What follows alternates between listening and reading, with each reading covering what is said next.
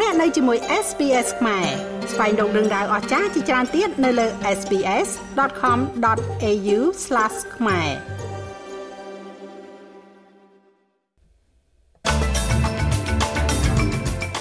CEO ក្រុមហ៊ុន Optus ប្រឈមមុខទៅនឹងការស៊ើបអង្កេតរបស់ព្រឹទ្ធសភាជុំវិញការដាច់សេវាទូរគមនាគមន៍កាលពីថ្ងៃពុធមុន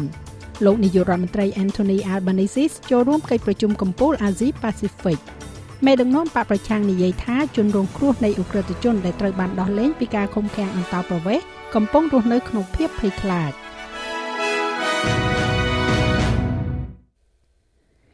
នាយកប្រតិបត្តិក្រុមហ៊ុនអុបទើសលោកស្រី Kelly Bayer Rosmarin បានប្រាប់ការស៊ើបអង្កេតរបស់ព្រឹទ្ធសភា ថាក្រុមហ៊ុនទូរគមនាគមន៍មួយនេះ បានចាត់វិធានការជាច្រើនជំហានដើម្បីធានាថាការដាច់សេវាកាលពីសប្តាហ៍មុននឹងមិនកើតឡើងម្ដងទៀតទេប្រជាជនអូស្ត្រាលីជាង10លាននាក់និងអាជីវកម្ម4សែនត្រូវបានទុកចោលដោយគ្មានសេវាទូរស័ព្ទនិងអ៊ីនធឺណិតការស៊ើបអង្កេតនេះកំពុងពិនិត្យមើលលើការដោះស្រាយវិបត្តិរបស់ក្រុមហ៊ុនទូរគមនាគមន៍ក៏ដូចជាការផ្ដល់ data បន្ថែមជាទម្រង់នៃសំណងលើការខូចខាតដល់អតិថិជន។ នៅក្នុងសេចក្តីថ្លែងការណ៍បើកក្បាលដំបូងលោកស្រី Kelly Bayer Rosmarin បានចេញការសំទោសមួយផ្សេងទៀតហើយធានាថាការស៊ើបអង្កេតនេះនឹងមិនមានម្ដងទៀតទេ The reality is that our network should have coped with this change ការពិតនោះគឺថាបណ្ដាញរបស់យើងគួរតែអាចទប់ទល់ជាមួយនឹងការផ្លាស់ប្ដូរនេះបានក៏ប៉ុន្តែនៅក្នុងឱកាសនេះវាមិនបានធ្វើដូច្នោះទេខ្ញុំអាចធានាដោយទំនុកចិត្តដល់សាធារណជនអូស្ត្រាលីថាយើងបានធ្វើការផ្លាស់ប្ដូរភ្លាមភ្លាមចំពោះប្រព័ន្ធរបស់យើងដើម្បីធានាថាបញ្ហាជាក់លាក់នេះនឹងមិនបណ្ដាលឲ្យមានការដាច់សេវាម្ដងទៀតដោយដែលយើងបានជួបប្រទះកាលពីថ្ងៃពុធមុនទៀតទេ លោកនាយករដ្ឋមន្ត្រី Anthony Albanese កំពុងតែចូលរួមនៅក្នុងកិច្ចប្រជុំកំពូលមេដឹកនាំនៃកិច្ចសហប្រតិបត្តិការសេដ្ឋកិច្ចអាស៊ីប៉ាស៊ីហ្វិកហៅកាត់ថា APEC ការផ្ដោតសំខាន់នៃវេទិកានេះគឺលើនិរន្តរភាព ការប្រែប្រួលអាកាសធាតុនិងការផ្លាស់ប្ដូរទៅជាធម្មពលស្អាតក្នុងចំណោមប្រទេសដែលចូលរួមក្នុងវេទិកានេះដែរមានសហរដ្ឋអាមេរិកចិនកាណាដាជប៉ុន និងឥណ្ឌូនេស៊ី ក្នុងអំឡុងពេលនៃកិច្ចប្រជុំនេះប្រធានាធិបតីសហរដ្ឋអាមេរិកលោក Joe Biden បាននិយាយថាមេដឹកនាំនៃតំបន់ Indo-Pacific ទទួលខុសត្រូវចំពោះប្រទេសដទៃទៀតលើពិភពលោកដើម្បីកំណត់គោលដៅនៃការបំភាយឧស្ម័នទាប As a region we're responsible for the largest share ក្នុងនាមជាតំបន់មួយ យើងទទួលខុសត្រូវចំពោះចំណែកដ៏ធំបំផុតតំបន់ដែលយើងកំពុងនិយាយនៅទីនេះជុំវិញតារាងរាងជារង្វង់នេះយើងទទួលខុសត្រូវចំពោះចំណែកដ៏ធំបំផុតនៃការបំភាយឧស្ម័នសកលដូច្នេះយើងក៏ត្រូវតែទទួលខុសត្រូវចំពោះដំណោះស្រាយផងដែរខណៈពេលដែលយើងនៅតែមានពេលវេលាដើម្បីផ្លាស់ប្ដូរវា។ នៅប្រទេសអូស្ត្រាលីយើងវិញមេដឹកនាំគណៈបកប្រឆាំងគឺលោក Peter Dutton មានប្រសាសន៍ថាជនរងគ្រោះនៃអ ுக ្រិតជនដែលត្រូវបានដោះលែងពីការឃុំឃាំងអន្តោប្រវេសន៍បន្ទាប់ពីសេចក្តីសម្រេចរបស់តុលាការកំពូលនោះកំពុងតែរស់នៅក្នុងភាពភ័យខ្លាច។ វាកាលឡើងនៅពេលដែលរដ្ឋាភិបាលបានណែនាំវិសោធនកម្មថ្មីចំពោះច្បាប់អន្តោប្រវេសន៍កាលពីយប់មិញគឺនៅថ្ងៃទី16ខែវិច្ឆិកា ដែលនឹងដាក់កម្រិតកាន់តែខ្លាំងចំពោះអ្នកជាប់ឃុំដែលត្រូវបានដោះលែងក្នុងចំណោមការរឹតបន្តឹងទាំងនោះគឺមានការត្រួតពិនិត្យទីតាំងរបស់ពួកគេតាមរយៈខ្សែពាក់នៅនឹងកជើង។ លោក Dutton បានប្រាប់ទូរទស្សន៍ប៉ុស្តិ៍លេខ9ថាការសម្រេចចិត្តរបស់តុលាការកំពូលអាចនាំទៅដល់ការដោះលែងអ ுக ្រិតជនកាន់តែច្រើនចូលទៅក្នុងសហគមន៍អូស្ត្រាលី Amazingly we were informed that It's not just the 84 there's another 340ដែលអស្ចារ្យនោះគឺយើងត្រូវបានគេជូនដំណឹងថាវាមិនមែនត្រឹមតែ84នាក់នោះទេវាមានដល់ទៅ340នាក់ផ្សេងទៀតដែលអាចនឹងត្រូវបានដោះលែងផងដែរ ហើយនោះគឺសម្រាប់ជនរងគ្រោះទាំងនោះហើយយើងបានឃើញពួកគេមួយចំនួននៅក្នុងសារព័ត៌មានប្រហែលថ្ងៃចុងក្រោយនេះគឺពួកគេស្រក់ទឹកភ្នែកទាំងនេះគឺជាជនរងគ្រោះនៃការចាប់រំលោភក្មេងអាយុត្រឹម10ឆ្នាំដែលត្រូវបានរំលោភបំពានផ្លូវភេទអ្នកទាំងនេះគឺជាមនុស្សដ៏អាក្រក់បំផុតហើយពួកគេមិនមែនសូម្បីតែជាពលរដ្ឋអូស្ត្រាលីនោះទេអភិបាលរដ្ឋអូស្ត្រាលីខាងត្បូងលោក Peter Malinokas បានប្រកាសថាទង់ជាតិនឹងត្រូវបានបង្ហោះនៅពាក់កណ្ដាលដង ដើម្បីជាការផ្ដល់កិត្តិយសដល់មន្ត្រីប៉ូលីសម្នាក់ដែលបានស្លាប់បន្ទាប់ពីត្រូវបានគេបាញ់នៅក្នុងអំឡុងពេលប្រជុំមុខគ្នាដោយអំពើហិង្សាពលបាល Jason Doe ដែលមានអាយុ53ឆ្នាំ បានស្លាប់នៅក្នុងការបាញ់ប្រហារនៅក្នុងផ្ទះមួយនៅ Sydney ជិត Bordertown បន្ទាប់ពីរូបលោកនិងសហការី2នាក់ទៀតបានឆ្លើយតបទៅនឹងសេចក្តីរាយការណ៍អំពីការរំខានមួយមន្ត្រីប៉ូលីសទី2គឺលោកពលបាល Michael Hutchinson ត្រូវបានគេបាញ់ត្រូវផងដែរហើយកំពុងត្រូវបានព្យាបាលនៅក្នុងមន្ទីរពេទ្យសម្រាប់របួសដែលមិនគំរាមកំហែងដល់អាយុជីវិត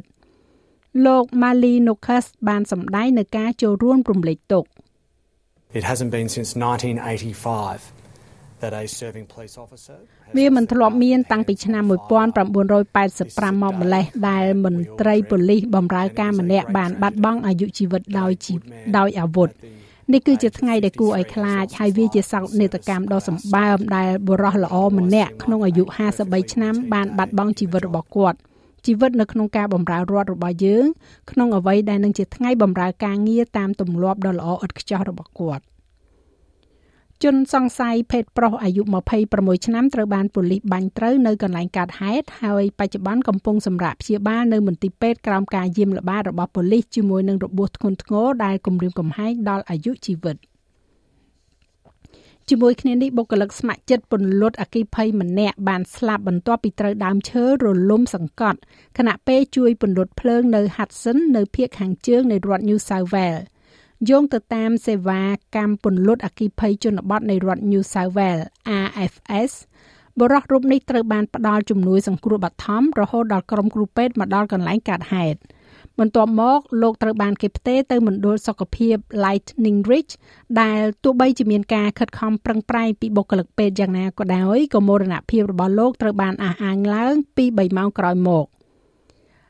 ស្នងការ New South Wales Arts FS លោក Rob Roger មានប្រសាសន៍ថាបុគ្គលិកស្ម័គ្រចិត្តម្នាក់នេះគឺជាសមាជិកសកម្មខ្លាំងណាស់នៃសហគមន៍មូលដ្ឋានរបស់គាត់។ I, I know um, the only thing I can say that um, he was extremely ខ្ញុំដឹងថារឿងតែមួយគត់ដែលខ្ញុំអាចនិយាយបាន ថាគាត់គឺសកម្មយ៉ាងខ្លាំងនៅក្នុងសហគមន៍មូលដ្ឋាន ហើយបានចូលរួមក្នុងគំនិតផ្ដួចផ្ដើមផ្សេងផ្សេងគ្នាជាច្រើននៅទីនោះខ្ញុំគិតថាពួកគេបានផ្លាស់ទៅរស់នៅតំបន់នោះគឺផ្លាស់មកពីតំបន់ Hunter ខ្ញុំគិតថាប្រហែលជានៅឆ្នាំ2010ដូច្នេះពួកគេបាននៅទីនេះមួយរយៈហើយបានបង្កើតជីវិតនៅទីនោះ។ នៅក្រៅប្រទេសឯណោះវិញអ៊ីស្រាអែលបានអះអាងថាកំណត់ផ្លូវរុងក្រោមដី និងយានជំនិះដែលត្រៀមសម្រាប់ការវាយឆ្មក់លើតំបន់ភៀកខាងត្បូងអ៊ីស្រាអែលកាលពីថ្ងៃទី7ខែតុលាត្រូវបានគេរកឃើញនៅក្នុងមន្ទីរពេទ្យ Al-Shifa អ្នកនាំពាក្យយោធាអ៊ីស្រាអែលនាយឧត្តមនាវីឯក Daniel Hagari និយាយថាកងទ័ពកំពុងតែធ្វើការដើម្បីស្វែងរកផ្លូវរុងក្រោមដីដែលនៅសេសសល់។ កងកម្លាំង IDF បានរកឃើញកំណត់ផ្លូវរុងក្រោមដីនៅក្នុងមន្ទីរពេទ្យ Sifa ហើយបច្ចុប្បន្នកងកម្លាំងវិស្វកម្មកំពុងស្វែងរកហេដ្ឋារចនាសម្ព័ន្ធនៅទីនោះយើងក៏បានរកឃើញយានជំនិះដែលត្រូវបានរៀបចំសម្រាប់ការសម្លាប់រង្គាលកាលពីថ្ងៃទី7ខែតុលាហើយមិនបានចាក់ចេញសម្រាប់បេសកកម្មហើយយើងក៏បានរកឃើញអាវុធជាច្រើននៅក្នុងនោះ។ លោក Hagari និយាយថាកងកម្លាំងការពារអ៊ីស្រាអែលក៏កំពុងស៊ើបអង្កេតមន្ទីរពេទ្យ Rantisi ផងដែរជាកន្លែងដែលលោកបាននិយាយថាផ្លូវរុងក្រោមដីមួយទៀតត្រូវបានរកឃើញនៅជិតនោះក្រុមហាម៉ាស់និងបុគ្គលិកមន្ទីរពេទ្យបានបដិសេធការចោទប្រកាន់នេះ។ នៅឯប្រទេសកម្ពុជាវិញកាលពីព្រឹកថ្ងៃប្រហ័សម្សិលមិញនេះគឺមានការរៀបចំនៅពិធីសម្ពោធដាក់ឲ្យប្រើប្រាស់ជាផ្លូវការនៅអាកាសយានដ្ឋានអន្តរជាតិសៀមរាបអង្គរ អាកាសយានដ្ឋានអន្តរជាតិសៀមរាបអង្គរដែលជាការវិនិយោគរបស់ក្រុមហ៊ុនចិននៅក្នុងទុនវិនិយោគ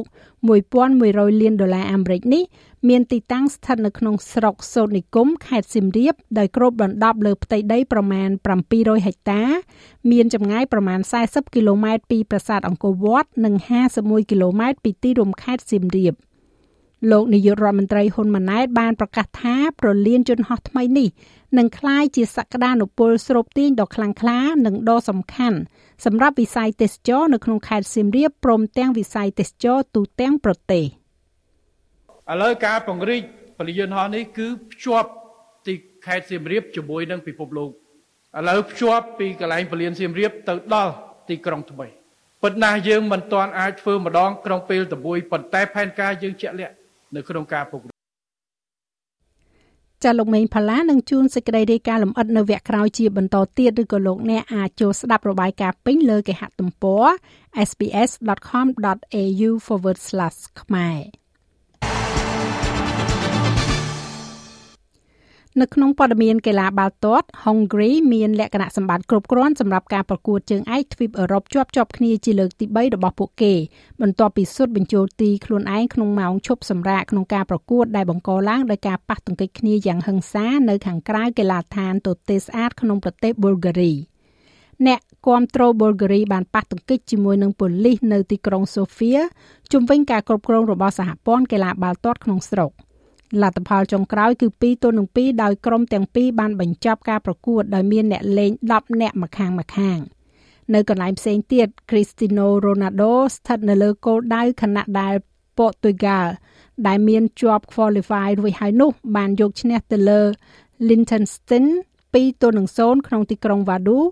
ខណៈដែលអេស្ប៉ាញក៏មានការប្រកួតដ៏ងាយស្រួលផងដែរនៅ Nicosia យកឈ្នះ Cyprus 1ទល់នឹង3ចំណែកឯអត្រាប្តូរប្រាក់វិញ1ដុល្លារអូស្ត្រាលីមានតម្លៃប្រមាណជា64សេនកន្លះដុល្លារអាមេរិកត្រូវនឹង2660រៀលប្រាក់រៀលខ្មែរ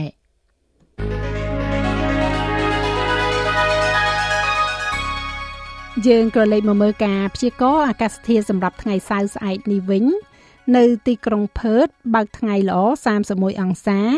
ភាគច្រើនបើកថ្ងៃនៅអាដាលេដ27អង្សា មែលប៊នមានពពកដោយពេល21អង្សា ហូបាតរលឹមបន្តិចបន្តួច18អង្សាខេនបារ៉ាភាគច្រើនបើកថ្ងៃ28អង្សាស៊ីដនីមានពពកដោយពេល24អង្សា ស្រដៀងគ្នានៅ Brisbane 26អង្សា Cairns មានពពកដោយពេលដែរ32អង្សា នៅ Darwin បើកថ្ងៃ34អង្សា និងនៅទីក្រុងភ្នំពេញ មានពពកដោយពេល31អង្សា